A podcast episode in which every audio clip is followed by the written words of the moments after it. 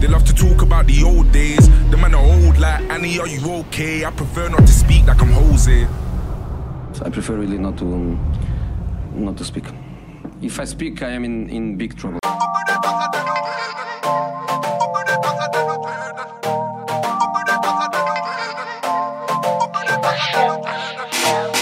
Välkomna till ett nytt avsnitt av Avbytarbänken. Vi snackar boll, där vi någorlunda har koll. Det är avsnitt 1, 2, 5, 125, tisdag den 27 september klockan är 18.42. När du hör det här har säkert Sverige spelat eh, krismatchen, ödesmatchen, speciellt för Janne Andersson. Um, men innan dess, innan vi djupdyker i det här blågula havet, let's welcome min broder, min vän, min kompanjon Mustafa Tibi Wagwan. Wagwan, det var eh, ett tag sedan. Eller det känns som ett tag sedan men det var inte så länge sedan faktiskt. Alltså Det jag bara märkte, att, eh, din, din, din default svar är alltid, det var ett tag sedan.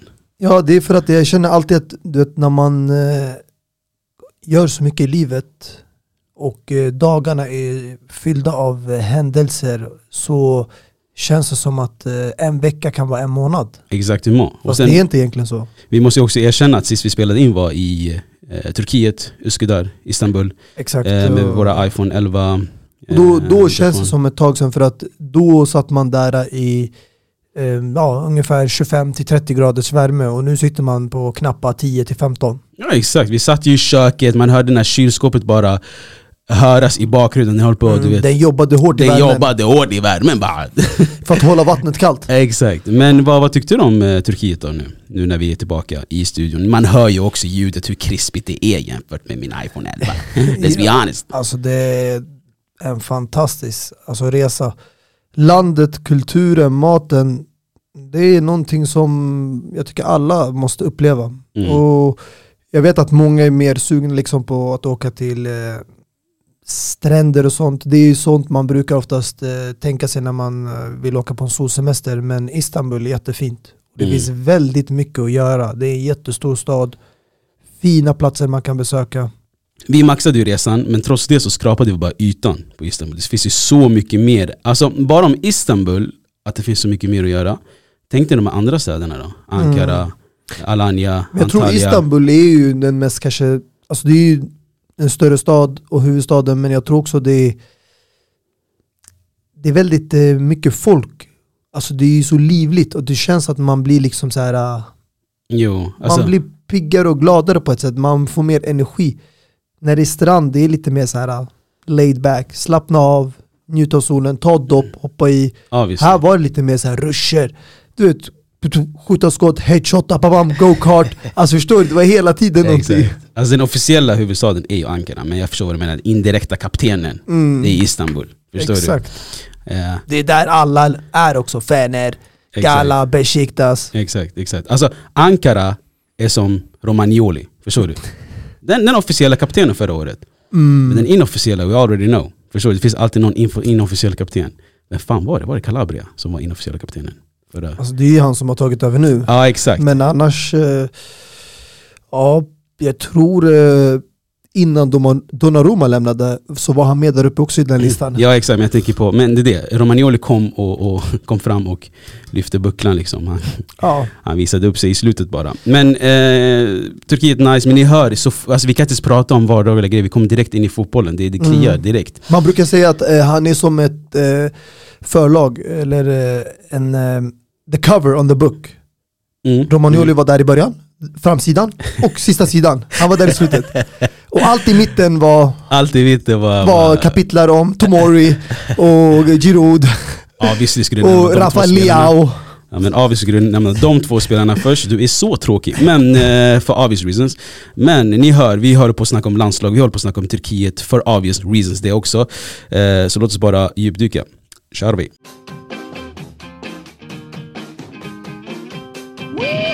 Som sagt, när du hör det här har Sverige spelat mot Slovenien, eh, matchstart om dryga två timmar. Eh, det blir nog intressant ändå, alltså, vi ska inte hålla på och snacka om eh, hur det kommer gå för matchen, för det blir, det blir irrelevant för dig som lyssnar.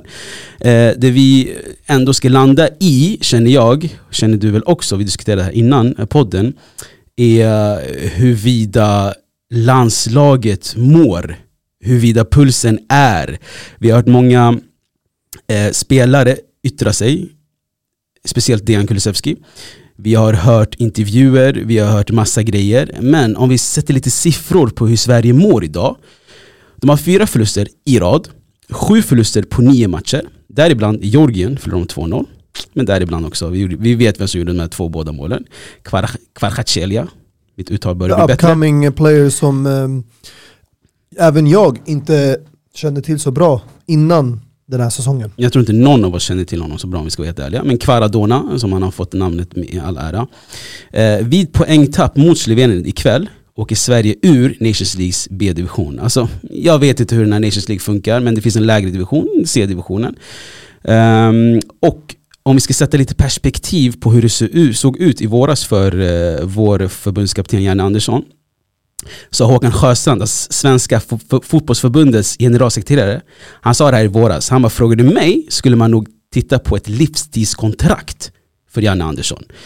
Eh, något som Olof Lund sa att det kan påverka förbundets beslut ifall nu Janne Andersson bestämmer sig för att de ska sparka honom. För att om man ska gå från vår, att ej, han ska få livstidskontrakt, till att man ska sparka honom nu.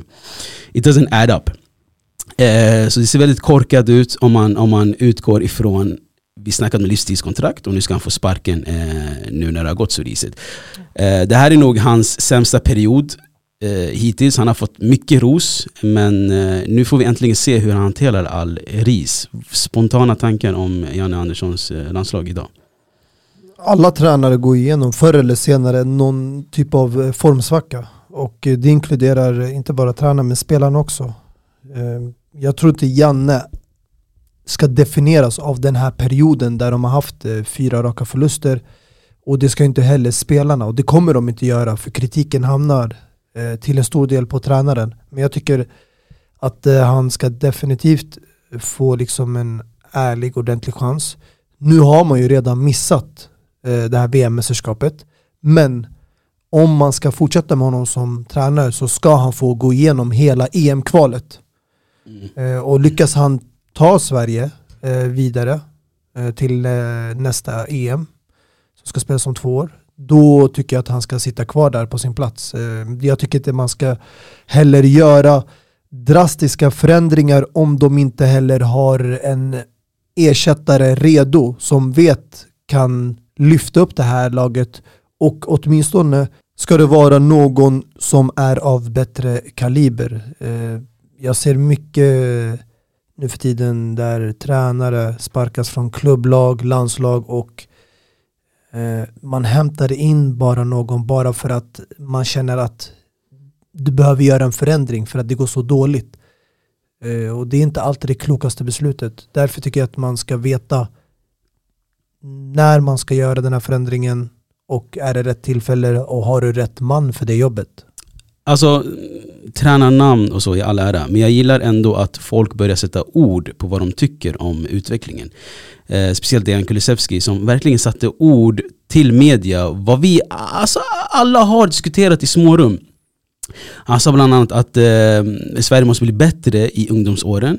Eh, Danmark, Belgien och alla de här, eh, Italien, eh, är, är år före oss.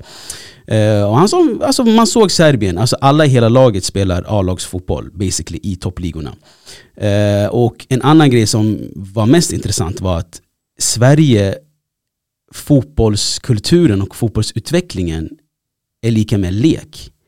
Alla ska vara med, eh, det finns inget som heter eh, vinnaren är bäst. Eh, så det här inrotas inte i eh, barnen redan från början. Alltså att man ska ha den här äh, vinnarskallen redan från början. Viktigast är att alla är med, alla ska ha kul. Om du är bra ska du inte sticka ut. Du ska se till att du passar dina med medkamrater. Hänger du med lite? Eh, vilket jag tycker, det är svårt att diskutera det här för det, det, det är enkelt att hamna i eh, att man utesluter människor och utesluter barn, att folk blir utfrysta. Men ofta kollar man inte på andra sidan heller. Men aha, men du, du kväver eh, en, en, en, en, unge som du ser har potential, talang. För att de andra, för att han ska sänka sig ner till de andras talanger. Mm. Så det är ett problem som man inte kan komma ifrån lite känns det som. Ja, jag håller med alltså, helt och hållet. Det är, finns vissa grejer han säger som där han har en poäng. Eh, sen finns ett annat koncept där de försöker mer måla upp den här bilden av laget före jaget, vilket jag också förstår. För att det är eh, en kollektiv sport där man spelar med 11 spelare på planen. Men jag tycker självklart alla ska kunna uttrycka sig alltså fritt. 100%. Det ska inte vara några begränsningar, du ska inte kväva spelare. Och jag tycker moralen och inställningen ska förändras. Det måste vara en eh, liksom striktare, hårdare eh, moral och man måste känna mer av att en förlust är absolut inte okej. Okay. Mm, mm. Till exempel som eh, Mourinho brukade presentera förut att han brukade säga till sina spelare, eh, han hade ett känt citat i att vad vi än gör, vi ska inte förlora. Vi kanske inte vinner, men vi ska inte förlora den här matchen. Mm. Och det är det i, i det här samhället, i det här eh, spelar och fotbollskulturen, som du säger, när man kollar på Belgien, när man kollar på till exempel Serbien, vart de var för 10-15 år sedan. Sverige var längre i utvecklingen än Belgien och de här. De här fanns inte ens med på kartan i VM 2002 och VM 2006. Men nu har, är de mil före Sverige. De har gått om de här landslagen för att de blir hårdare och tuffare mot fotbollsspelare när de är redan ungdomar. Mm. Så att de lär sig vad det handlar om att nå toppen. Om du vill bli den bästa spelaren, om du vill spela för det bästa laget, det här är vad som krävs.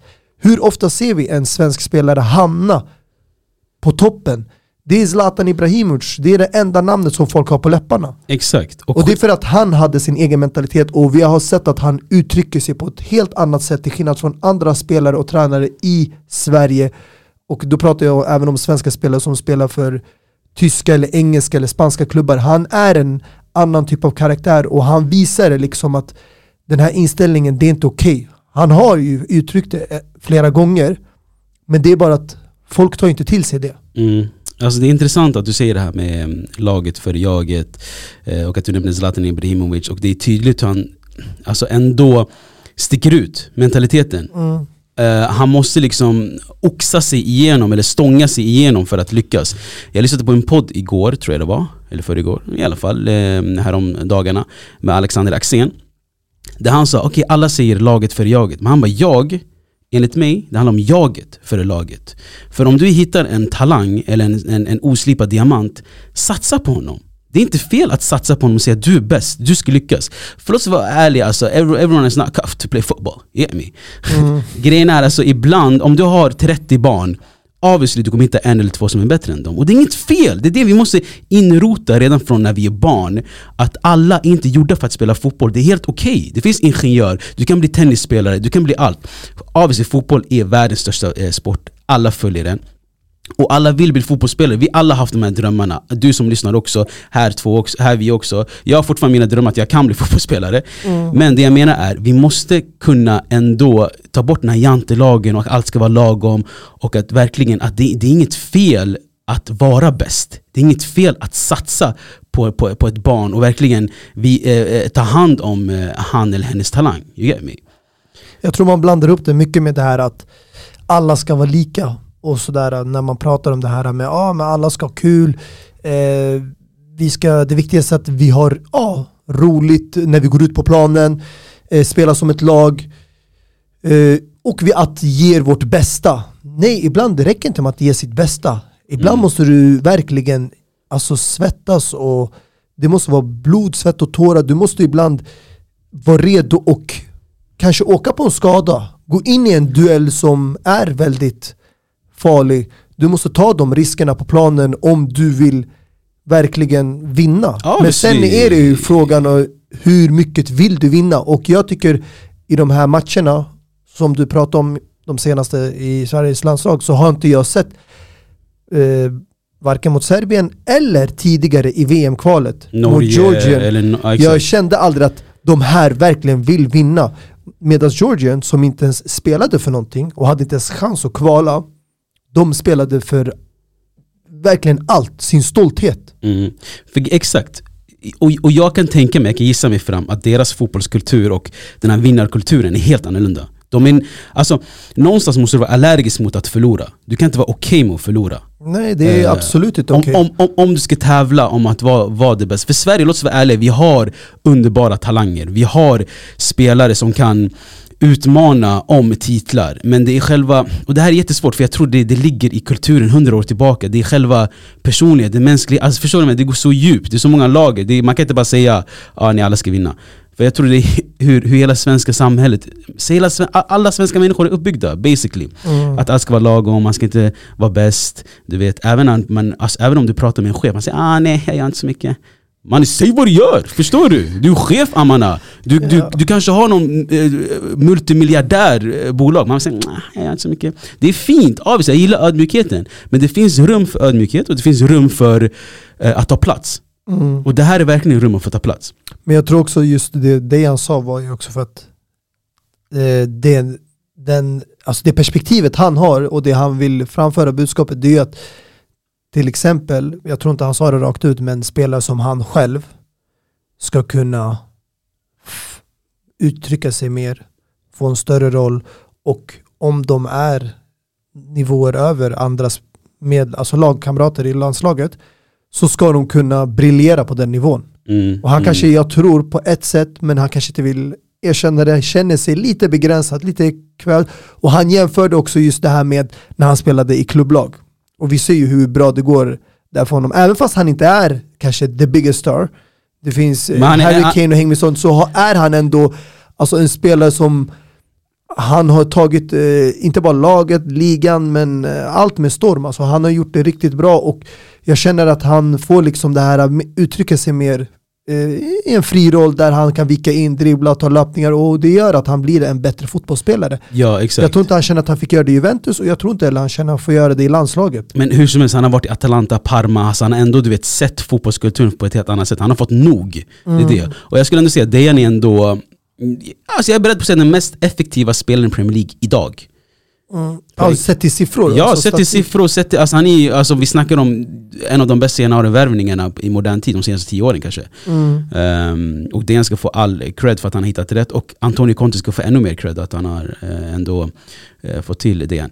Jag ska, eh, om, om vi kollar på Serbiens startelva till exempel nu. Vanja Milinkovic Savic, målvakten.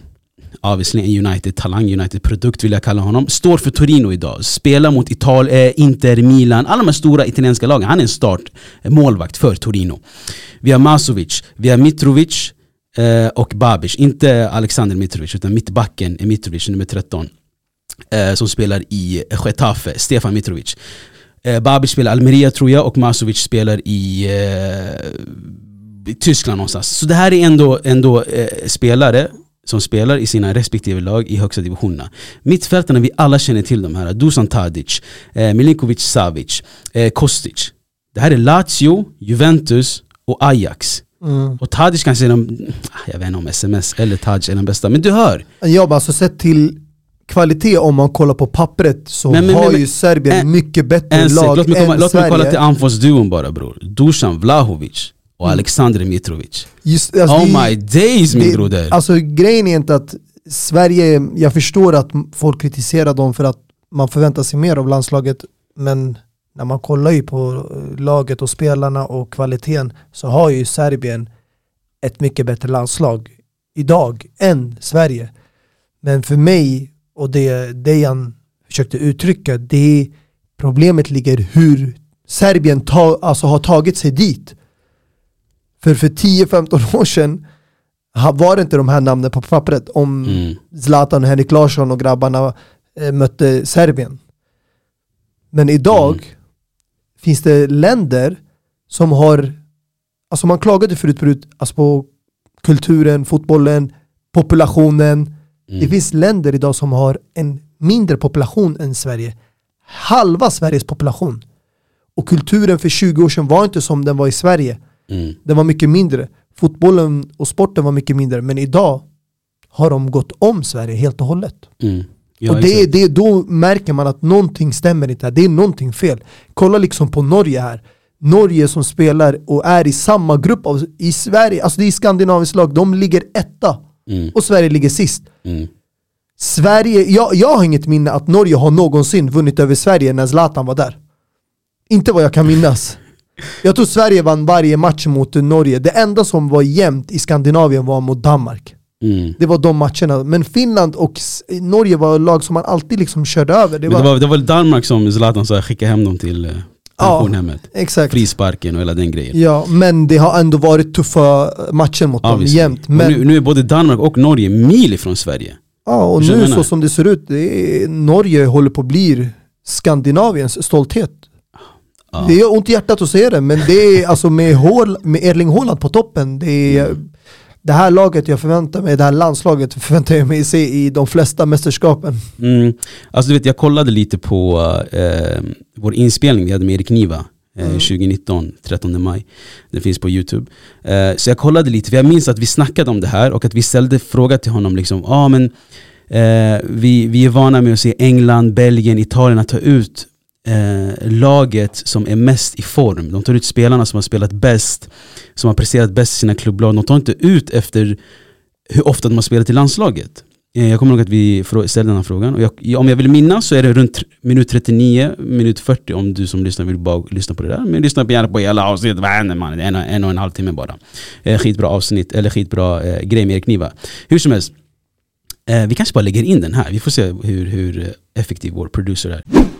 Alltså jag tänker på, om vi går tillbaka till eh, landslagsuttagningen, så alltså, om man jämför typ med England, Belgien, Frankrike. Alltså, det känns som de tar ut spelarna baserat på vilken form och hur bra de är.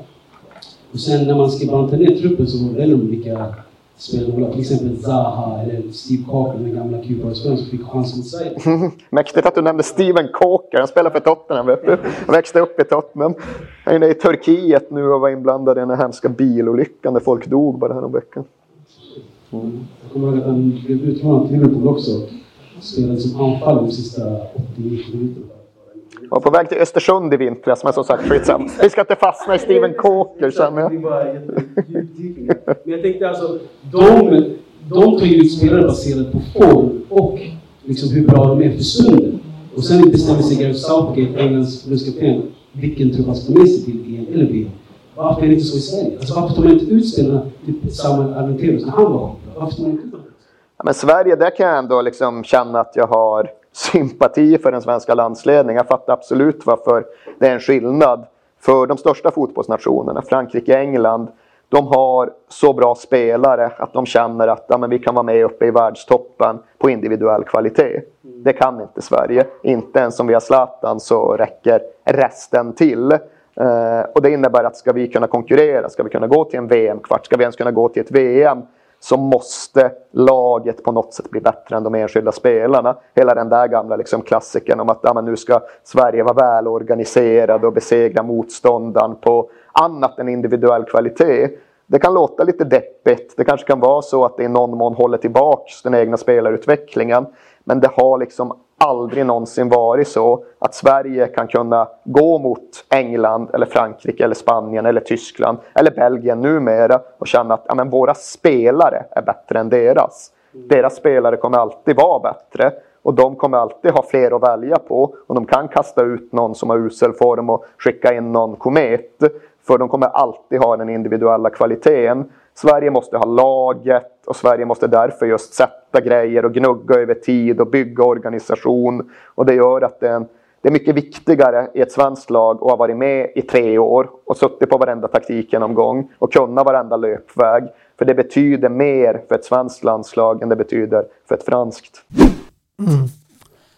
Alltså jag, jag kan ju säga bara rakt av, jag tror man inte vill införa den där uh, strikta, hårda mentaliteten i fotbollen, i den kulturen för att man känner att unga spelare i den åldern ska inte behöva gå igenom sånt.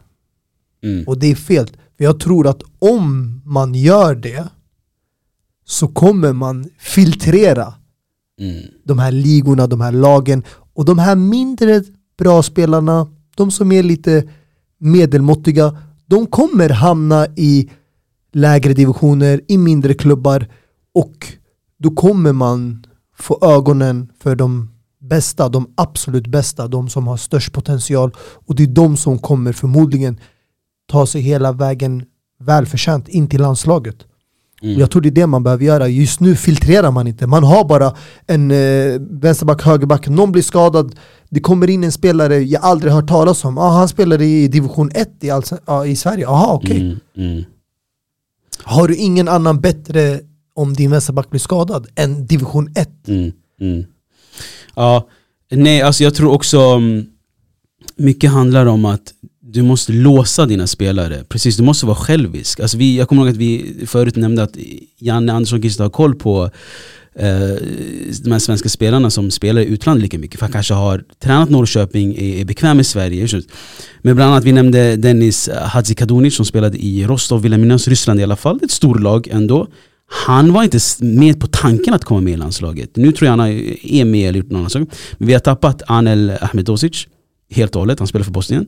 Eh, vi har tappat, eh, nu kommer jag inte på namn i huvudet, men grejen det, det handlar om låsa spelare. Även om det är för att ehm, för något landskamp, bara för att du vet att de har Sverige i sin Wikipedia-merit. Förstår du vad jag menar? Så de inte kan gå till andra landslag. Så att du kan plocka upp dem sen när de blir bättre. Ehm, så det är det de mycket brister i. Ja, jag tror det, alltså fokuset ligger förmodligen också för mycket på Sverige och Skandinavien just för att det är där Janne hämtar sin erfarenhet.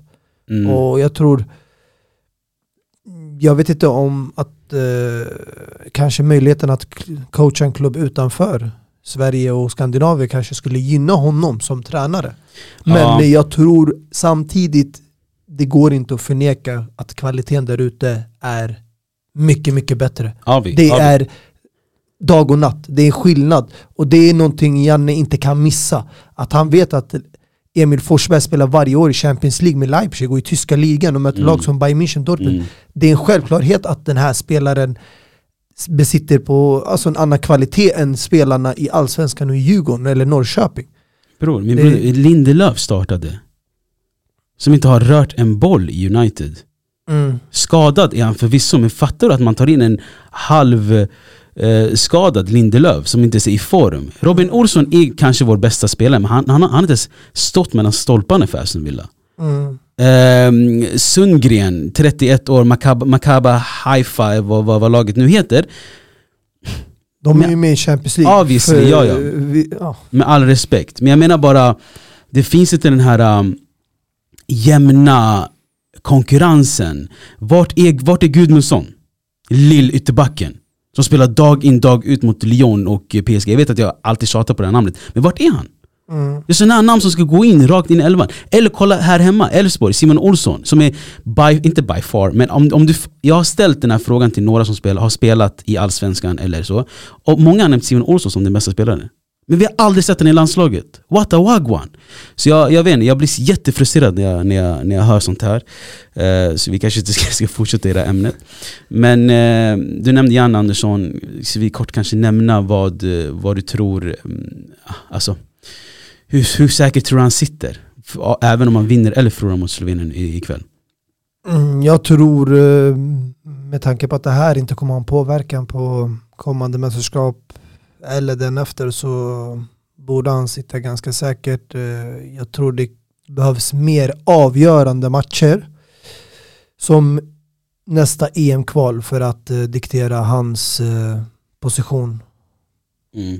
Jag, jag känner att han har ändå en hel del att ge och det här som man nämnde tidigare kan vara en tillfällig formsvacka och det gör att han kanske blir osäker på sina beslut och vilka spelare han väljer ut men han måste ju hitta tillbaka och han måste börja ja, kanske tänka utanför boxen och utvidga sina vyer så att han eh, får in kanske nytt och färskt blod i det här laget. Mm, precis. Uh, ja, det blir, uh, grejen är, det skulle vara en annan grej om eh, man hade kanske klara namn som skulle kunna ersätta. Men jag tror det är komplext att vara förbundskapten overall. Vem som helst kan inte komma in och vara förbundskapten. Nej, alltså vi kommer ihåg eh, jag kom, när Sveriges damlandslag tog ju in eh, hon, USAs gamla tränare. Mm, För damlandslaget. Då trodde man direkt att det skulle bli vinst och Sverige skulle vinna allting. Det är inte så enkelt. mm, Även mm. om de skulle nu hämta en tränare utifrån, vilket jag tycker också skulle vara väldigt intressant att få se.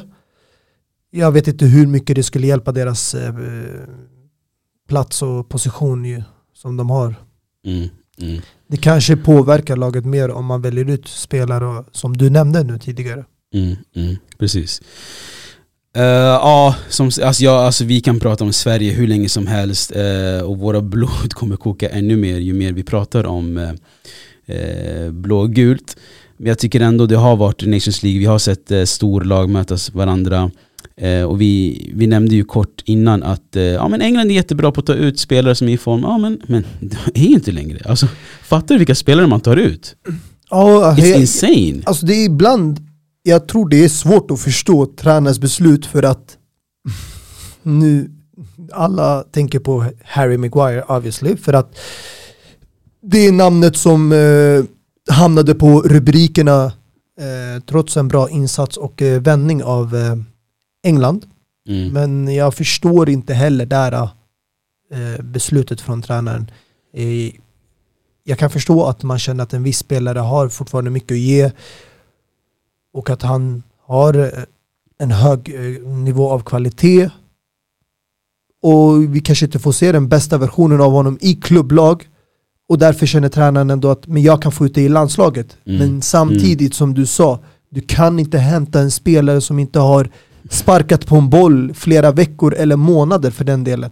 Eller har varit skadad eller varit petad. Om han har blivit petad så finns en anledning till varför han sitter på bänken. Ja, för att han sparkar på smalben mer än bollar. Och han då, orsakar då straffar. kan man inte välja ut. Och det, det jag känner där rakt av, det är fel. Alltså jag, om jag hade valt nu två mittbackar till landslaget, rakt av, mina första, alltså de första spelarna jag får på läpparna, det är till exempel John Stones och Tomori. Det är de bästa engelska backarna jag ser just nu i mitt huvud. Sen finns det konkurrens, det finns eh, Ben White som har varit bra i inledningen av säsongen i, hos i Arsenal eh, och som borde också varit uttagen till truppen. Men ja, tränaren gör ju sitt beslut och du vet, du kan gunga fram och tillbaka så här mellan de här valen men samtidigt så finns det till exempel Luke Shaw som inte heller har spelat så mycket men blev uttagen och gjorde ändå en bra match och mål. Så det är Exakt. det. Du kan kritisera när han hämtar ut spelare där det inte blir lyckat men när han hämtar spelare som inte har varit aktiva, som har suttit på bänken eller skadade och inte rört boll på länge men de kommer in och gör det riktigt bra då står man där med eh, Med byxorna nere. nere och munnen uppe och man vet inte vad Oh man wait, ska wait, säga. munnen, munnen chilla, chilla. Munnen är stängd, munnen är stängd. Easy, easy. Nej, du förstår vad jag menar, Jag hör alltså, vad du förstår du? säger, jag, jag hör vad du säger. Men jag tycker även, alltså, det här är mina boys, Luke och Harry. Mm. Eh, men det, det, det, de ska inte ens vara med i landslaget. Let's be honest. Alltså Luke Shaw, Malaysia går före honom. Alex Mm. Telles som inte ens är med i laget. Han spelar i Sevilla, går före Luke Shaw. Mm. Förstår du hur långt nere han är just nu? Han är kall, han är iskall. Eh, förvisso gjorde han mål, ja, men det räddar inte fortfarande argumentet att de här spelarna ska vara med. Ehm, Jag säger inte att det räddar, jag håller med dig, men om en tränare gör de här besluten som folk ifrågasätter, mm, men de motbevisar alla oss och gör bra ifrån sig, det är det jag menar, man, man kan inte säga någonting emot det. Man blir ju liksom tillställd, man tänker okej, vart kom allt det här ifrån? Den här spelaren har inte jag sett på veckor. Mm. Han har varit skadad eller petad och så nu kommer han nu och briljerar. Exakt, ja. Men samtidigt, Då blir det som att okej, han är tränare för landslaget av en anledning. För att han ser saker vi inte ser. Det kan vara en sån tankeställare man får, men så fort det går dåligt, då hoppar alla på honom som pirajor. Det blir så här, hugger bara tag, bara, ah, vad, vad, vad, är det här för någonting? Vem hämtar ut en spelare som eh, har varit petad och inte sparkat en boll på flera veckor? Förstår du? Det är det jag menar, det går fram och det, tillbaka. ja, det, det finns alltid, alltså man, kan, alltså, man ska aldrig ifrågasätta en tränare så, de ser ju allting. Eh, men jag menar till exempel, alla har väl sina spelare som alltid går in i startelvan för sitt landslag men knappt spelar i, i klubblagen. Eh, men det där kommer inte alltid hålla. Och jag tror det är där ligger problemet. Men det är någonting vi inte kommer kunna gå in i det för det är för djupt. Alltså det är fotbollen, jag tror tränare, Men toucha som det oss lite alla toucha, toucha människor, det lite, toucha på det ämnet lite. Se, Absolut. se vad du vill säga. vi alla människor är emotionella varelser. Jag tror personligen att vissa tränare får en bättre relation, en närmare relation med vissa spelare. Och det är inte nödvändigtvis att de har den här nära kontakten med alla 25 spelare i truppen. Så vissa spelare som de kommer närmare, lite mer emotionell, de kanske pratar utanför landslaget på du vet, fritiden. Ah, hur mår du, familjen? Ah, grattis till vinsten idag, det, fan, du gjorde en bra match idag. United kanske landslagstränaren skriver till en spelare, förstår du vad jag menar? Han kanske inte gör det till alla eh, 25 spelare som var med i landslagsspelaren senast. Mm. Och det kan vara så att Gareth, alltså Gareth Southgate just i det här fallet har en ganska bra och nära relation till Maguire och därav den här lojaliteten att jag släpper inte taget, jag hämtar med honom fortfarande, även trots allt han har gått igenom. Och jag tror det där är ett, alltså, ett stort problem och det är då har en tränare en brist om han blir too attached till Mm. vissa spelare och gör att han favoriserar dem. Mm, ja, alltså jag, du, du, du lyfter upp en intressant poäng.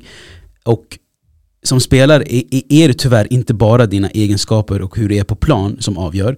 Jag, jag tycker inte det, det, det är necessarily en dålig grej att en tränare värdesätter hur lojal en spelare är. För om du har en lojal spelare så vet du vad du kan få ut av honom. Du vet vilket slitjobb han kommer göra för din skull, för han, jobbar för, för han spelar för dig. Jag tror många tränare föredrar att ha spelare som spelar för mig.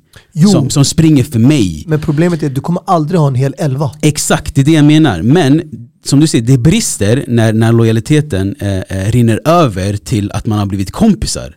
Att det blir så här, ja ah, men du ska spela för, du, för, jag, för jag vet vem det är, vi, känner varandra. Men jag har svårt att tro att Gareth skulle gå så långt att han och Harry käkar middag och är kompisar bara för att det är hans- jag, jag tror så här. jag tror alltså Gareth Southgate har gjort exakt som Erik Ten Hag gjorde i början. Han vill ändå ge Harry Maguire en sista chans till att han själv får bestämma nu. Och han gjorde, han gjorde den här usla matchen mot eh, Tyskland, orsakade straff och hela den grejen. Han var bara eh, klappkass. Då. Så nu känner han, okej, nu har jag mina anledningar att gå på. Okej, han har varit kass i England nu också. Nu har jag, med gott samvete kan jag bänka honom. Jag vill också säga, Harry Maguire är inte klappkass. Han är inte världens sämsta mittback vi har sett genom tiderna. Harry Maguire är faktiskt bra med bollen. Alltså det, det är många glömmer. Han kan göra sina soloräder. Vi har sett det många gånger i Hull och Leicester. Vi har sett det i United också. Jag vet att du som lyssnar garvar, Mustafa flinar nu också. Nej men jag, jag, Men jag har han sett det några gånger men det, finns en anledning varför han kostade 80 millar. men det finns fortfarande för mycket negativa saker Obviously. som eh, täcker för alla de här små bra grejerna han har gjort. Obviously, ja. Om han hade spelat i, i ni- 92 eller 93 då inte sociala medier fanns, hade han inte varit så dålig. Sociala medier gör han ännu sämre. De här memesen gör han ännu sämre. Harry Maguire och sen hela den här låten. Harry Maguire!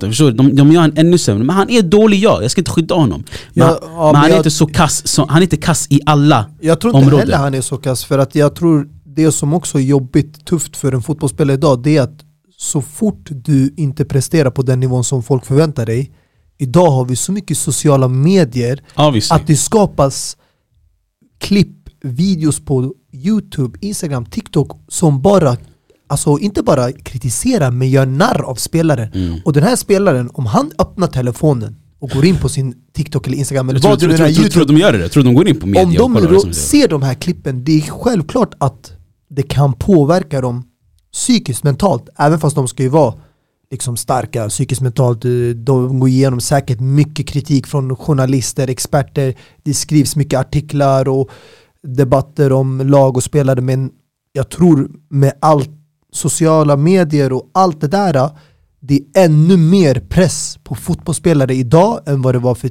10-20 år sedan Som det ska vara, det is, it's a dog det ska eat vara dog world som man absolut säger. press, men det är inte som att ja, nu tjänar de så stora summor Mm. och de har ett, eh, det här är deras jobb, yrke, så de ska ju liksom prestera men samtidigt, vi människor sitter och pratar som att vi presterar 10 av 10 på våra arbetsplats varje dag. Alla har formsvacka, alla går igenom dåligt men skillnaden att vi, vi som är utanför eh, stjärnligan eller stjärnlivet, det här Mm. kändisstatusen Mm. och allt det där. Vi som inte är med i tv-rutan, vi får inte den kritiken. Men det känns... Folk påpekar nej, inte det nej, varje nej, minsta lilla nej, fel vi ja, gör, nej. eller tabbe, eller felsteg. Vi klarar oss undan det här och vi kan må bra och sova gott. Han medans han sover med de här klippen och videorna och bilderna i huvudet och drömmer om de här Harry Maguire! Harry Maguire! Lyssna, obviously, alltså, jag, jag tycker det känns, jag, jag håller inte med det här in, eh, Alltså, på, det, på någon plan. Jag har hört att till och med det där har blivit ett alarm. För vem? För han? Nej, alltså för vissa, vi, vissa England tydligen har den där som alarm Harry Maguire! Så vaknar man till Botta mig just, jag har jobbet, jag måste skynda mig! Ja du menar, jag vill inte bli som Harry Maguire, jag måste skynda mig. Att det blir som Exakt. motivation. Skitsnack. Lyssna, alltså grejen är, jag håller inte, det, det känns, för det första jag tycker det känns det fel att du jämför eh, eh, yani oss som jobbar 9-17 måndag till fredag, eller folk som inte är fotbollsspelare, att du jämför oss med dem. Obviously intensiviteten är mycket högre. Jag snackar låt dem tjäna två millar i veckan eller tre millar i veckan som är sky high. Men jag menar om du spelar, alltså om, om du tjänar pengar via underhållning, via människor, via eh, åskådare. Obviously ska du ha press på dig. Om jag typ satt och programmerade eh, och hade en crowd bakom mig och gjorde det för deras skull. Obviously jag ska få, jag ska få vad heter det, eh, eh, skit, förstår du? Men jag, jag, jag jobbar för företaget, företaget kanske ger mig skit, förstår du? Men de här spelar för allmänheten, de spelar för världen. Det är miljard, miljoner som kollar på dem.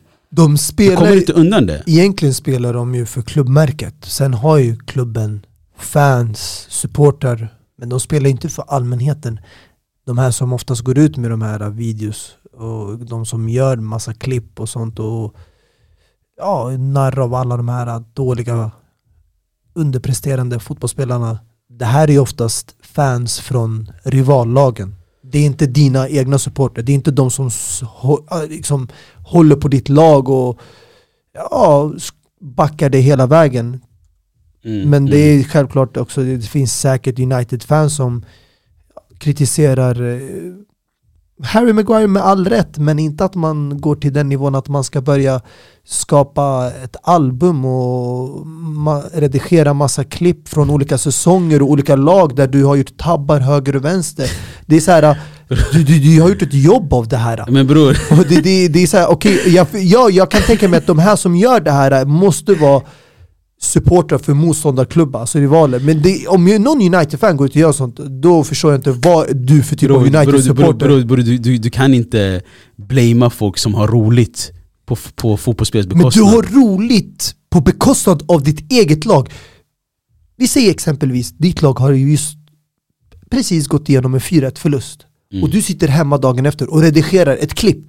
For the views! Han, han, får ju, han får ju para på det här, förstår? For the views, får en mille views Du vet själv hur TikTok snabbt det går upp alltså Jag snackar om Ah. youtube nu, allt möjligt. Ja, I can't blame him alltså, förstår du? Den som redigerar eh, Men the viral life, The det är viral tufft. life. Vi måste vara ärliga. Obviously, men du har valt det, förstår du? It's a dog eat dog world, det är det jag säger Du måste ha, vara stark mental Kolla på Phil Jones, miskin Han är, han är helt, alltså Jag tror djupaste depressionen ever alltså, han är ju Men då kan, vi, då kan vi ändå ha lite förståelse att vissa spelare ändå går till i tidig ålder till Kina eller USA för att vara borta från Ja, rampljuset. shoutout Oscar, shoutout Graziano Pelle, förstår du vad jag menar? Det här är mina Alex boys! Teixeira, Ja. Ramirez. Go, collect the money och håll dig borta från tv-rutan. 100% shoutout Ricky Pooge mannen! Kör, ingen skriver om de här på youtube, tiktok längre, instagram. spela fotboll utan press Ingen nämner deras namn, ingen nämner deras mål, men ingen nämner deras tabbar. However, du kommer aldrig bli världens bästa fotbollsspelare Men det kanske Men- de är okej med Plånboken kommer fortfarande Plånboken fyllas. kommer vara fet, du kommer inte kunna sitta på, på, på en stol för att din plånbok Du är måste för lägga fet en hög av servetter på andra sidan för att Fattar du? För att balansera. balansera det, eller du måste lägga plånboken slack på bordet för att, för att du inte ska ha ont i görren, förstår du? Så det är obviously, om du vill må bra, du spelar väl inte Men de här i... sover åtminstone gott om nätterna med lite manga-grejer i huvudet i Kina, Japan. Yani. Exakt, med sin eh, otroliga sushi säkert. Men låt oss lyfta lite ljusglimtar innan vi lämnar det här helt. Eh, Jude Bellingham, wow vilken spelare, blev MOTM, man of the match.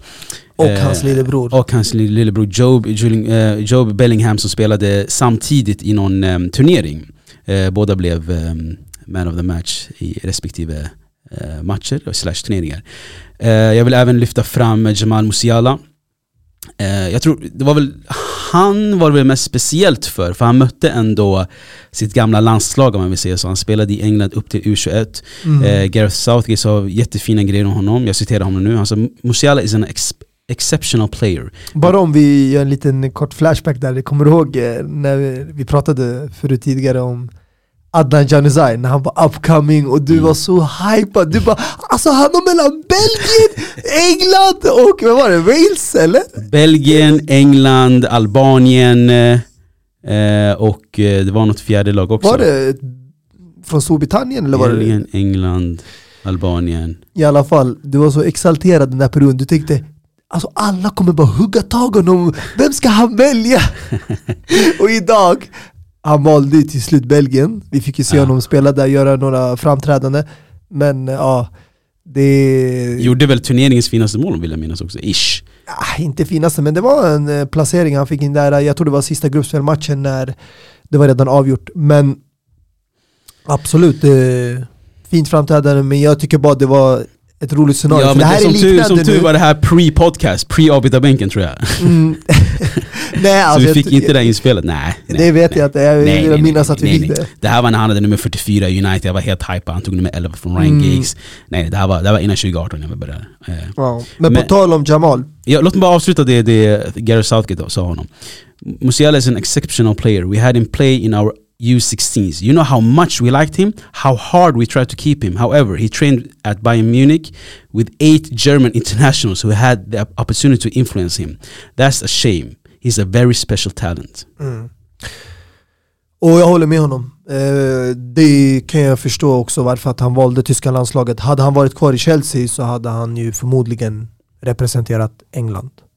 Alltså han är ändå född i Stuttgart, han är född i Tyskland, det får man inte glömma. Jag tror, Jo. jag tror det blir något speciellt när du ändå är född i det landet och du vill representera det. Men jag tror också att samtidigt eftersom han kom så tidigt till England, han har växt upp där och spelat för Chelseas akademi, så hade han engelska spelare runt omkring sig och det var därför han representerade U16, U18 och de här Mm, eh, mm, i England. mm.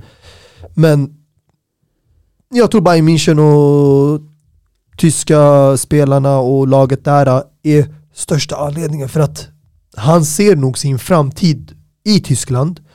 Eh, Jag vet inte om han är intresserad av att komma tillbaka och spela i Premier League. Han har aldrig yttrat sig på det sättet förutom att han eh, är tacksam och älskar sin eh, ja, moderklubb där han var i Chelsea. Men jag känner att Mm.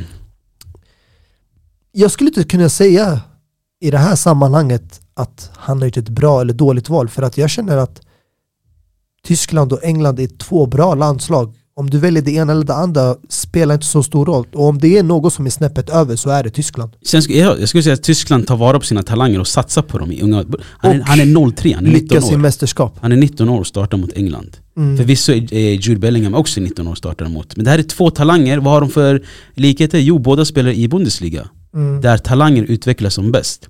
Det är väl mellan dem och eh, Eredivisie. Men Jude Bellingham kommer förmodligen göra en liknande resa som Jadon Sancho har gjort. Alltså, it's, och it's, då it's, menar jag inte att han hamnar i United, då menar jag att han kommer hamna i Premier League igen. Ja, it's written in the stars. Jude Bellingham kommer gå till Liverpool. Alltså det är Mm. så skrivet. Men jag skulle Nummer åtta säga- är för honom och, och så vidare. Men jag skulle säga räkna inte bort Jamal Musiala, även fast han har valt tyska landslaget så finns det fortfarande chans på att det- han kommer tillbaka till England och Premier League. Jag vill ändå ställa en rak fråga, så man kan ändå sätta Jamal och eh, Jude eh, sida mot sida.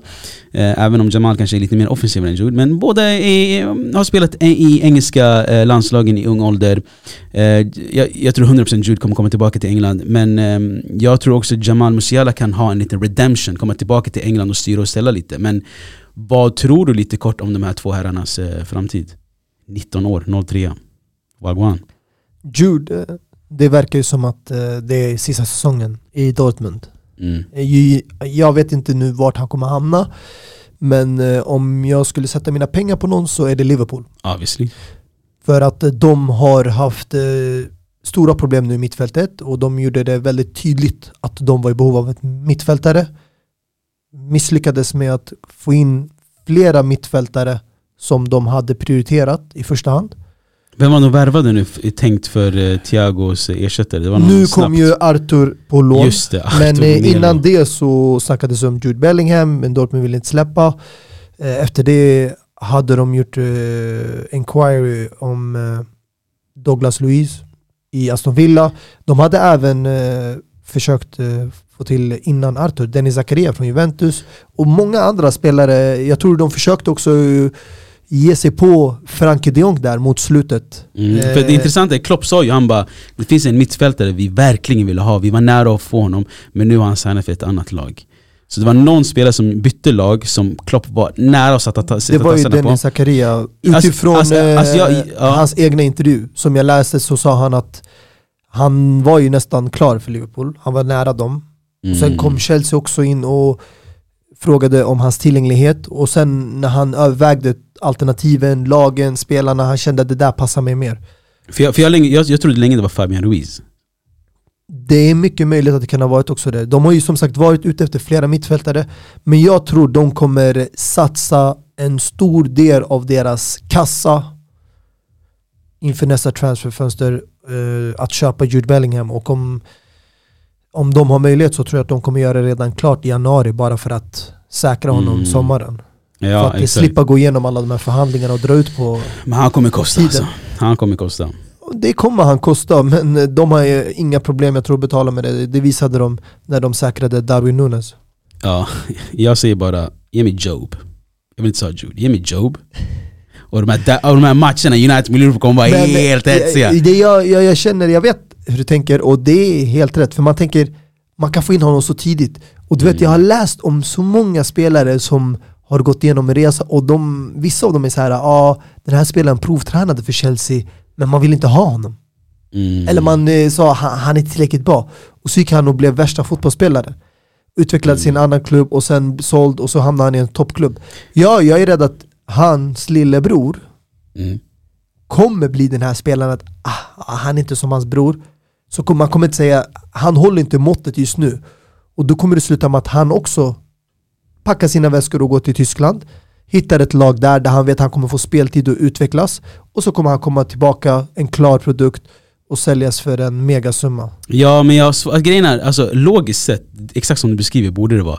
Alltså, men om din bror är bra, bra på, på fotboll och du också spelar fotboll, alltså oddsen är väldigt låga på att du också kommer bli en bra spelare. Alltså grejen är, du, du har samma gener, du, du har samma hairline. alltså de har skitbra hairline, let's be honest alltså. Den är ner till Men ni, ögonbryn. ni jag tycker ni men, men ändå- nej, nej, det var inte det jag ville säga om... ni har, nej. har ju ändå haft bröder.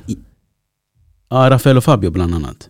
Och Gary och Phil. Ja exakt. Alltså det, ni har ju ändå en historia av alltid- mycket bröder men det är och de håller någon- ändå en jämn nivå. Det är bra att ni nämner de här äh, äh, spelarna, äh, tvillingarna och Gary och Phil. Men det är alltid någon som, Är lite bättre. inte så lite, g- mycket bättre Okej, skulle jag jag vet att den första är klar och tydligt. Gary mycket bättre än Phil. Den andra är också jättetydlig.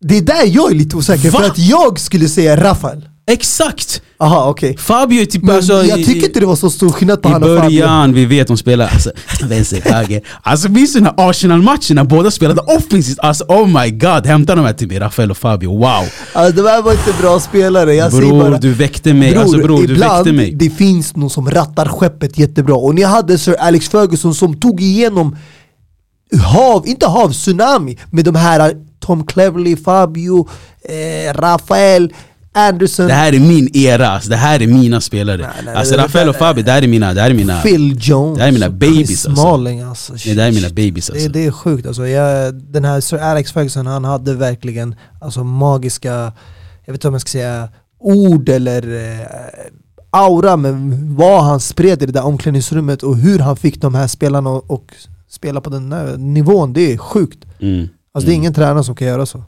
Ja, ja, alltså eller inte vad vi har sett hittills. vi kommer aldrig se någon tränare göra så heller, men väck inte mig bror, jag kommer bara vilja snacka om när Rafael går in i Carlos TVs i Manchester Derbyt, alltså Kar alltså, alltså Rafa, alltså, ah. Hur som helst. Eh, låt oss eh, ändå runda av det här avsnittet, men jag vill bara um, kort nämna en grej, diskutera någonting med dig. Eh, alltså den har lagt sig lite på is, men vi har inte hunnit diskutera det här. Eh, men det har, ingen av oss har missat det Vinicius Junior har eh, fått stå igenom.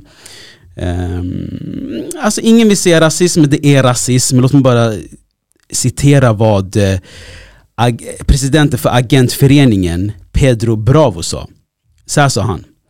När han, när eh, Vinicius gjorde mål, eh, firade med att dansa, sa han Du måste respektera dina motståndare. När du gör mål och du känner för att dansa samba, åk till Brasilien. Du måste respektera dina motståndare och inte spela apa.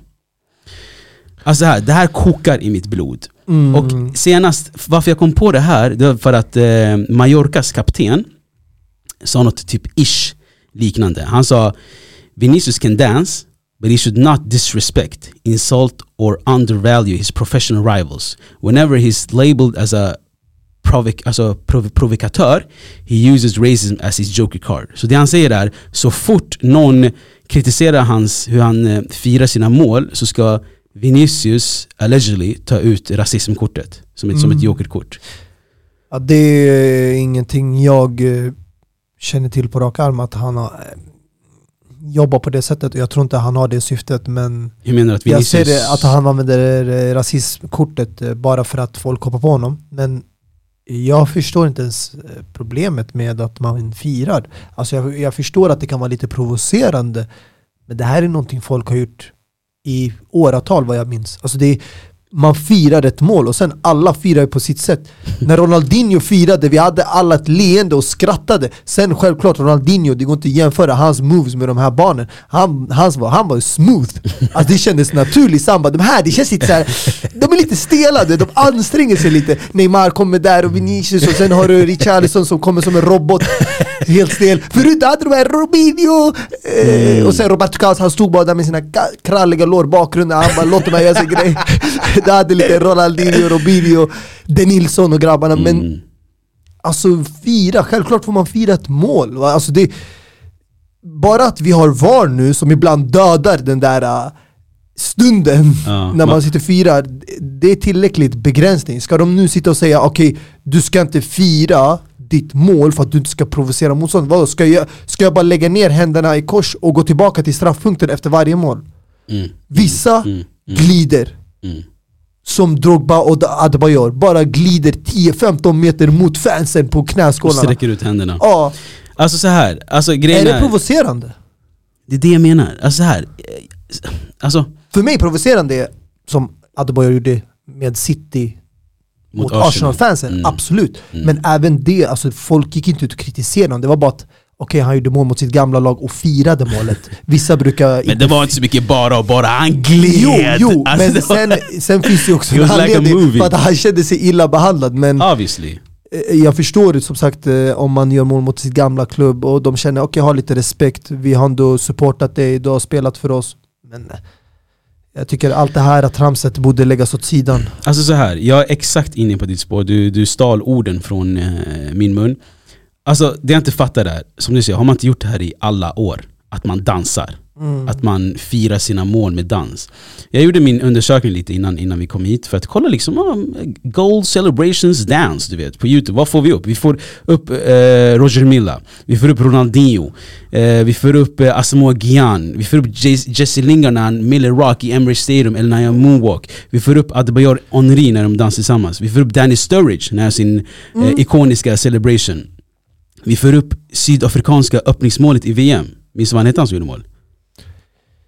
Chabalala. Shabalala. Hela, nästan hela laget står Ja, vid, vid, stod och långsidan. dansade tillsammans. Exakt, Bafana Bafana min broder. Vi har Neymar, vi har Pogba, vi har Mm. Umtiti. I can go all day long. Ja. Men hör du de här spelarna, vad de har gemensamt? Jag, alltså jag vill aldrig gå åt det hållet, men jag måste gå åt det hållet.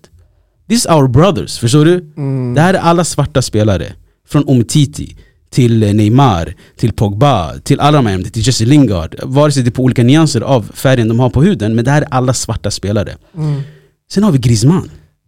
Om du frågar mig, jag älskar Griezmann, Antoine Griezmann. Men om du frågar mig, han har den mest förolämpade dansen någonsin här. Han har den här Fortnite-dansen som man, gör, vänta, som man gör mot sina motståndare när de har dödat dem. Du gör den här dansen, ni har den alla framför ert huvud nu, när de har det där L, ehm, eh, ja, ni, du, du symboliserar L med dina fingrar och sen dansar du framför dem. Alla bara wow, he's so funny, oh my god, Griezmann. Ingen säger någonting om honom. Ingen säger oh my god vad gör han? Varför ska han dansa sådär för? Det är bara pro, pro, provocerande. Men samtidigt, alltså har det här någonting egentligen med rasism att göra? För att Det har det. om du bortser från Vinicius Junior, Min broder, när, när Pedro... Alla de nej, här- nej, nej, nej, nej, jag måste stoppa det. När han den här spanska agentföreningen, vad heter Pedro Bravo, när han säger om du ska vara apa, gå till Ja, ja, Brasilien. Hur absolut. fan är det inte det, rasism? det där uttalandet är, är rasistiskt, men att just nu generellt, till exempel du nämnde tidigare med Mallorca, Mm, eh, att de bara generellt kritiserar. Jag tycker det är fel, oavsett vad. Men om man bortser från Vinicius Junior-fallet, Mm. ingen har egentligen kritiserat Ronaldinho, Neymar, Danny Sturridge, alla de här spelarna, Pogba, Lingard, alla som du har nämnt tidigare som har gjort massa olika målgester Mm. på olika sätt och det har aldrig liksom varit en fråga. Jag tror det har varit Det har- en underliggande rasism där. Men nu har rasismen boilat över och man tar ut på Vinicius Junior. För Vinicius Junior har varit en helt otrolig spelare de senaste två åren. Han har verkligen visat, eh, för han, var, han gick från skit, från klappkass till klass. Förstår du? Och nu gör han mål efter mål, assist efter assist. Han är, han är en tongivande spelare och de här är trötta på honom. Mm. Och när han dansar, det kanske är provocerande men, men, men alltså, låt det vara det provocerande. Du ska provocera ditt Jag tycker inte det är provocerande. Jag tror det här är, just de här som tar upp det här, att de, jag tror de vill bara hitta någonting och hacka på. Och de stör Så, sig. vänta, så, så, så om vi säger på klara ord, du håller inte med eh, det här som jag försöker säga att Vinicius och alla de här spelarna har något gemensamt? Att bara för att de är svarta eh, så utpek, och så den utpekas där rasism. kommentaren är ju klart och tydligt eh, ett rasistiskt uttalande när han säger gå tillbaka till Brasilien och apa och allt det där. Men jag tror de här kanske också har någonting annat emot Vinicius och det är därför de hoppade på honom på det sättet. Jag tror det är någonting personligt för att jag har inte sett någonting liknande med någon annan svartspelare där man har kritiserat honom för att han gör målgest.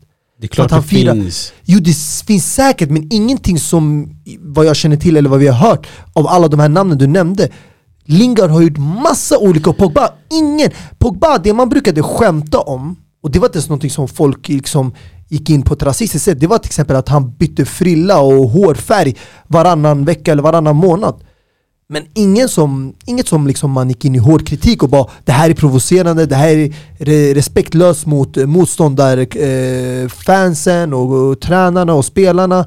Du ska ha respekt. Eh, det här har ingenting med respekt och fair play eller någonting att göra. Alltså, du, du, du firar ett mål, det är självklart, du är glad. Ska du vara ledsen? Mm. Ja, ja. Nej, alltså, jag, jag tycker en rasism på hopp är en rasism på, på hopp för mycket. Det, det är nolltolerans mot rasism.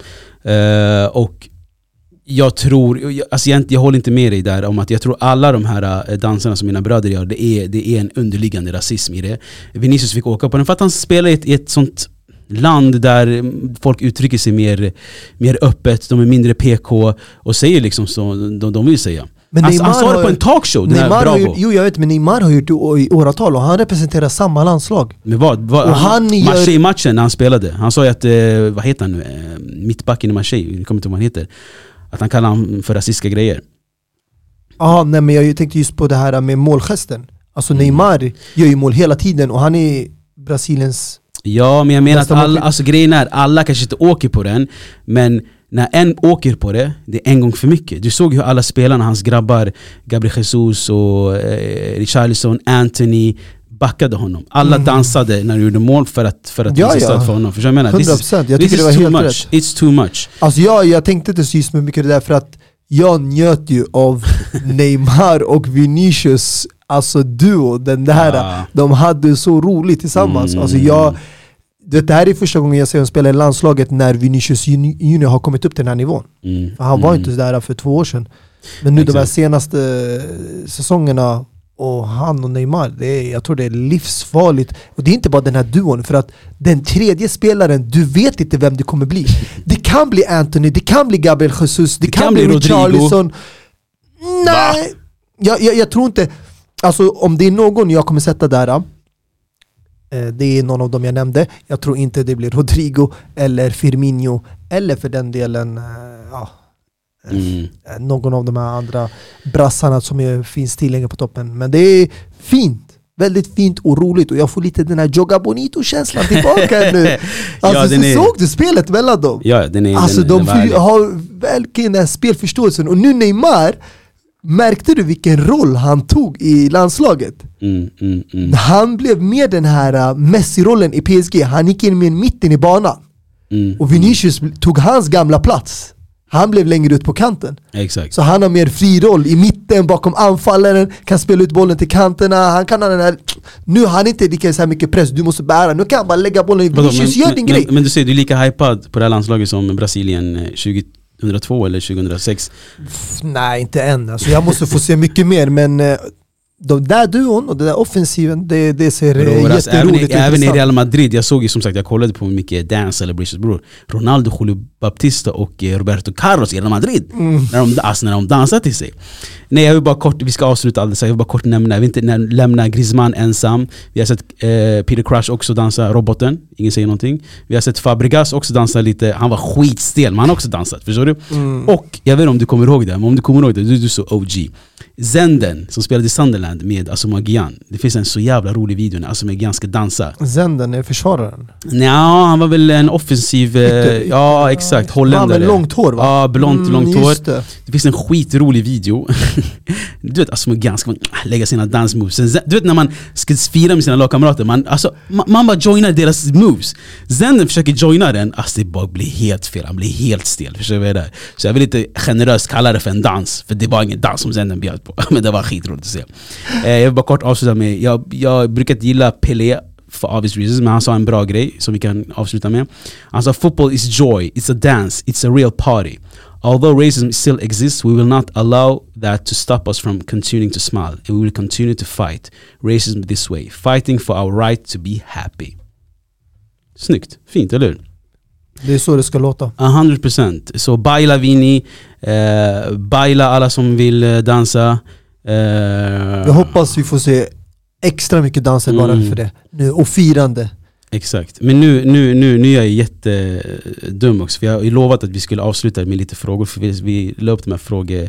Vi har fått en del, jag, vi, vi kommer sprida ut dem över hela, alltså varje, varje gång vi spelar in eller några gånger. Men vi kan ta tre eller två. Eh, det här var dock min favorit. Mm.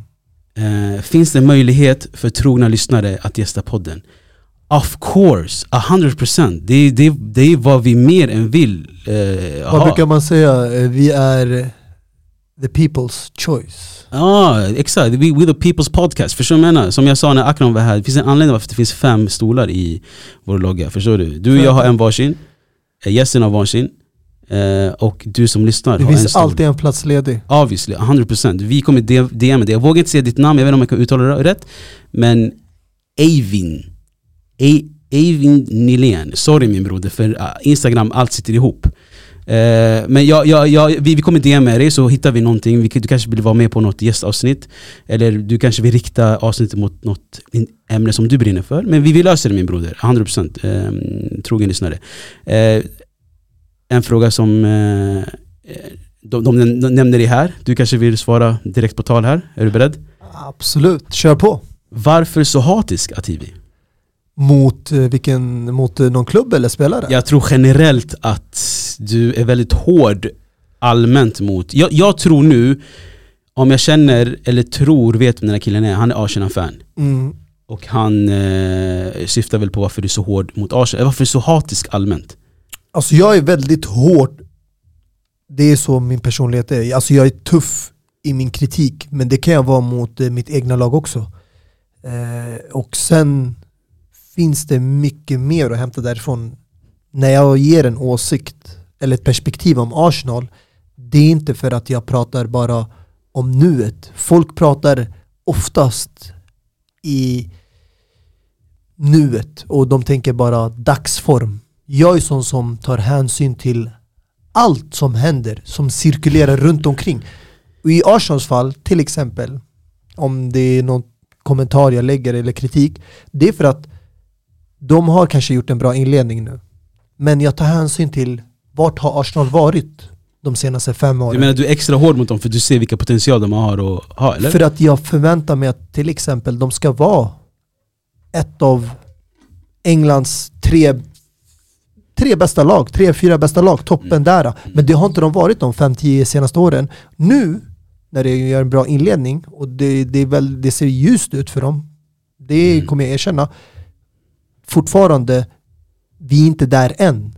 Och det är faktum, sanningen. Och du kan bara ta ett titt på förra säsongen. Hur bra det gick för dem, hur allting vände och alla trodde det skulle sluta med Champions League-kval. Men sen blev det inte så. Och det är därför jag säger folk drar för hastiga slutsatser. Jag är hård mot Chelsea just nu och jag har gått, du vet det och alla som har lyssnat vet att jag har gått all in i den här nya ägaren, nya regimen, hur de styr och ställer och hur de har behandlat tränaren som ja, blev sparkad nyligen. Allt det där, men samtidigt finns det mycket faktorer som man kan räkna in och det är att klubben har gått igenom tuffa perioder med restriktioner från England och regeringen på grund av Putin, Abrahamovic och där och det är många faktorer man inte tänker på. Så jag, jag är ju tuff och hård men jag är rättvis. Det där sista kunde du utelämna, för du är, du är alltid pro-blue. Nej, absolut Nej men inte. det, men det blir så naturligt. har, jag någons, har du någonsin hört mig säga att vi, eller till exempel Chelsea, är det bästa laget i England de senaste tre åren? Nej men du, du, du, är inte, du är inte blyg med att säga att Chelsea har världens bästa akademi, du, du är inte blyg att säga att Chelsea, Chelsea hit, du är inte blyg att nämna Tomori, Ja, jag kan- Giroud, jag- jag kan du är inte säga blyg att nämna Musiala. personliga- Alltså jag menar, du utgår alltid från Chelsea, Th- that's a fact. Om vi nämner Milan, du nämner direkt Tomori Giroud. Om vi nämner Bayern München, du nämner direkt Jamal Musiala. Det kanske är fint på så sätt att säga att du har en passion för Chelsea. För att det, det, det, är det, här är frön, det här är frön som har nyligen Obviously. planterats i Milan och Jag blommat varje, jag, ut jag, jag med- säger varken fel eller rätt alltså, Det- men det, det är din person, personlighets när det kommer till fotboll. Att du är pro-blue, men det, det är okej. Du är inte pro-red. Jag, jag är pro-ball, jag är pro-football, you get me. Eh, men eh, Men jag skulle jättegärna vilja bemöta han kanske också vill, jag kan fråga honom om han vill. eh. Ja, absolut. Men eh, jag, jag skulle sammanfatta att ditt hat... Eh, Jag tycker hat nej, nej, är det, det, ett det, är det väldigt menar. starkt ord. Det är det jag försöker säga. Jag gillar Alltså, inte att använda det. är det. det jag menar. Alltså, när han säger hatisk, jag tror eh, det blir missbedömning av passion. Du är Mm. man av, av mycket passion. Du fyller av Det kan passion. jag hålla med om, 100%. The man of Och jag, passion. i, i, jag är lika mycket passionerad när det kommer till att ge credit, komplimang. Jag är Mm. lika passionerad när det kommer till att kritisera Mm. och såga. If Mm. that's the truth. Ja, exakt. But in the end, I only speak facts. Ja. if I speak, I'm in big trouble. Exactly. Eh, vi tar sista frågan då, eh, som vi båda kan svara på. Ja. Kort. Alltså, du, du, du fick mig nästan nu att joina Stormzy och Mourinho i musikvideon där med eh, fingret. Eh, exakt. Um, fan jag vill ändå snacka med dem lite, men, men skitsamma. Eh, vi fick ändå höra Stormzys låt i början av det här avsnittet. Ehm, ehm, sista fråga, alltså vi, vi har fått en del frågor, jag ska inte säga många men vi har fått så här djupa frågor. Så Vi kan vi- ta dem eh, vissa nästa ja vi kommer sprida så här VM i Qatar, vi har fått så här landslaget, två topp... Förstår du? Vi, vi tar de här utspel, vi kommer inte ne alltså, um, neglect några frågor. Men den här kan vi avsluta med. Tycker ni Kane är en världsklassanfallare? 110, 20, 30 procent. Okej, var skulle Alltså, du det är placera ingen honom i snack den här... om saken. Alltså den här anfallaren, om det inte vore för att han spelar för ett lag som Tottenham, jag sätter honom i samma kaliber som Benzema och Lewandowski. Tyvärr har han inte fått spela för en stor klubb och han har inte haft en lika lång karriär som de här två herrarna. Men han kan få den här karriären om han väljer att byta klubb. För att vi ser nu Benzema och Lewandowski vad de fortfarande gör i den här åldern. Och Harry Kane har inte ens kommit upp till den åldern. Men i mina ögon, det är ingen snack om saken. Han är inte bara en världsklasspelare, han är en av världens bästa centrala anfallare nu. Och jag skulle sätta honom som topp tre med Leva och Benzema. Som Mm. bästa nior i världen. Mm, stora ord. Ehm, Men det som jag gillar med honom, varför jag i alla fall håller Harry Kane väldigt högt, det är för att han är så komplett. mm, Alltså han kan spela offensiv mittfältare, fast han är en anfallare. Han har visionen, han har spelförståelsen, han har fotbolls, hög fotbolls-IQ, vilket man märker när han väljer sina passningar, när han ska slå dem, vilket tillfälle. Och just det här att han droppar ner så långt ner på banan och rör sig runt omkring på planen, ute på kanten. Det, jag gillar det där. Det där är en spelare som verkligen får också hela laget att bli bättre. mm. Inte bara han själv. Mm, ja, alltså jag eh, kan bara fylla i det du har sagt egentligen. Jag har varit stort fan av Harry Kane länge. Många kanske kommer tröttna på Åh, ni jävla England, Premier League, ni älskar era spelare. Men alltså Harry Kane, otrolig spelare som du säger. Alltså det finns en anledning varför han, han har en bra kemi med Heung-Min Son. Mm. Alltså han kan både agera som en duo och han kan både sp- äh, även spela som en singelspelare, som en ensam nia. Och det han, både, han kan som säger, droppa ner, slå de här långbollarna. Mm. Ehm, så han är väl en allround. Jag, jag, alltså jag har gillat Harry Kane han hade nummer 37 på ryggen. Så han var utlånad till de här spelarna, eh, lagen. Många eh, hade Harry Kane som en, eh, one season wonder länge. Men när det blev two season wonders, three season då bara okej, aj, Dido, han är en etablerad anfallare. Men Harry Hurricane, otrolig spelare, Hell's Kitchen, HK, kalla ni vad han vill. Alltså jag har aldrig sett honom sådär som en one seed wonder men jag kommer ihåg att jag ifrågasatte Det var en liten grej förut när landslaget, när han började få ta hörner Mm. Och det var då jag tänkte, okej vad händer här? Man börjar Mm. låta en central anfallare som tar hörner, han tar inte klubblag men Nej, exakt. nu i efterhand förstår jag Mm. varför, för han har otroliga fötter. Han Mm. skulle kunna ta hörner, frisparkar, inlägg för att det är så bra fötter han har. Fast Ja. han inte är den typen som brukar Men kanske samtidigt- ställa sig bakom en hörna. Eller, Jo, men samtidigt för att, f- att han ska nämnas mellan Benzema och Lewandowski måste han uppnå mycket mer, jag vet. Men när mer. jag tänker just Jag fattar, jag fattar vad du menar. men- potential, alltså talangen Mm, mm, och kvaliteten. Mm. Alltså Han kan generöst. sätta de passningarna som de sätter. Oh ja, men det är väldigt generöst att nämna han med Lewandowski och Benzema just nu. Det, det skulle jag inte säga. Men, men han är en otrolig Men- anfallare. Alltså jag säger så här, länge har jag haft den här trion jag jämför alltid med. Icardi, Lukaku och Harry Kane. Alla var 93 Mm. år, alla var anfallare. Men vi vill se vart de andra två är nu. Icardi är någonstans i Turkiet, Galatasaray. Och Lukaku är väl eh, skadad någonstans i Vet du vad jag Milano. brukar säga? Jag brukar säga jag är alltid lite extra generös mot fotbollsspelare som representerar lite mindre klubbar. Förstår du? Ja, jag vet Det är inte min fan, logik. Jag vet Alltså, inte fan om jag- Icardi har representerat någon stor klubb någon gång. Va?